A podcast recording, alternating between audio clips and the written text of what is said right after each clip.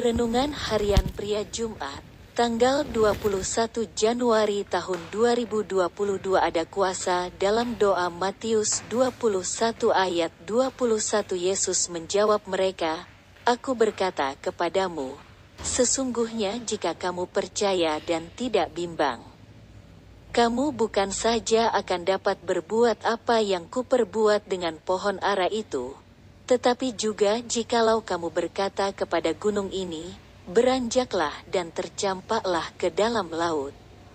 Hal itu akan terjadi. Melalui kisah pohon ara ini, Yesus kembali mengajarkan kebenaran mengenai doa kepada murid-muridnya. Doa yang akan mendapatkan hasilnya adalah doa yang dinaikkan dengan penuh kepercayaan dan tidak bimbang sedikitpun. Bisa saja Tuhan menjawab doa kita seperti yang kita inginkan.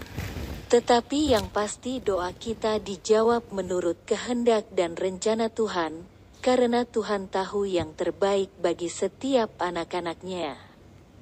Dan doa bukanlah suatu cara untuk anak-anaknya melarikan diri dari tanggung jawabnya. Doa membuat kita dapat melakukan tanggung jawab kita dengan pertolongan Tuhan.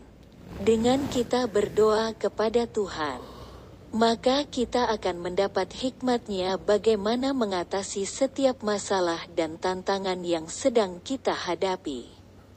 Dengan berdoa kepada Tuhan, maka kita akan mendapatkan jalan keluar dan kekuatannya. Dengan berdoa kita mengizinkan Tuhan ikut terlibat untuk menolong kita. Jadi marilah kita menjadikan doa atau berdoa kepada Tuhan itu bukan sebuah kegiatan rohani saja. Tetapi berdoa merupakan gaya hidup kita dan kesukaan kita untuk bersekutu dengan Tuhan dan mengandalkan Tuhan senantiasa dalam segala hal. Kita akan mengalami kasih dan kuasanya ketika kita berdoa dengan iman.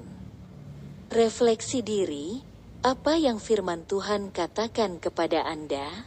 Bagaimana kehidupan Anda dengan firman Tuhan itu? Catat komitmen Anda terhadap firman Tuhan itu. Doakan komitmen Anda itu, pengakuan imanku, di dalam Kristus saya menjadikan berdoa menjadi kesukaan dan gaya hidup saya setiap hari.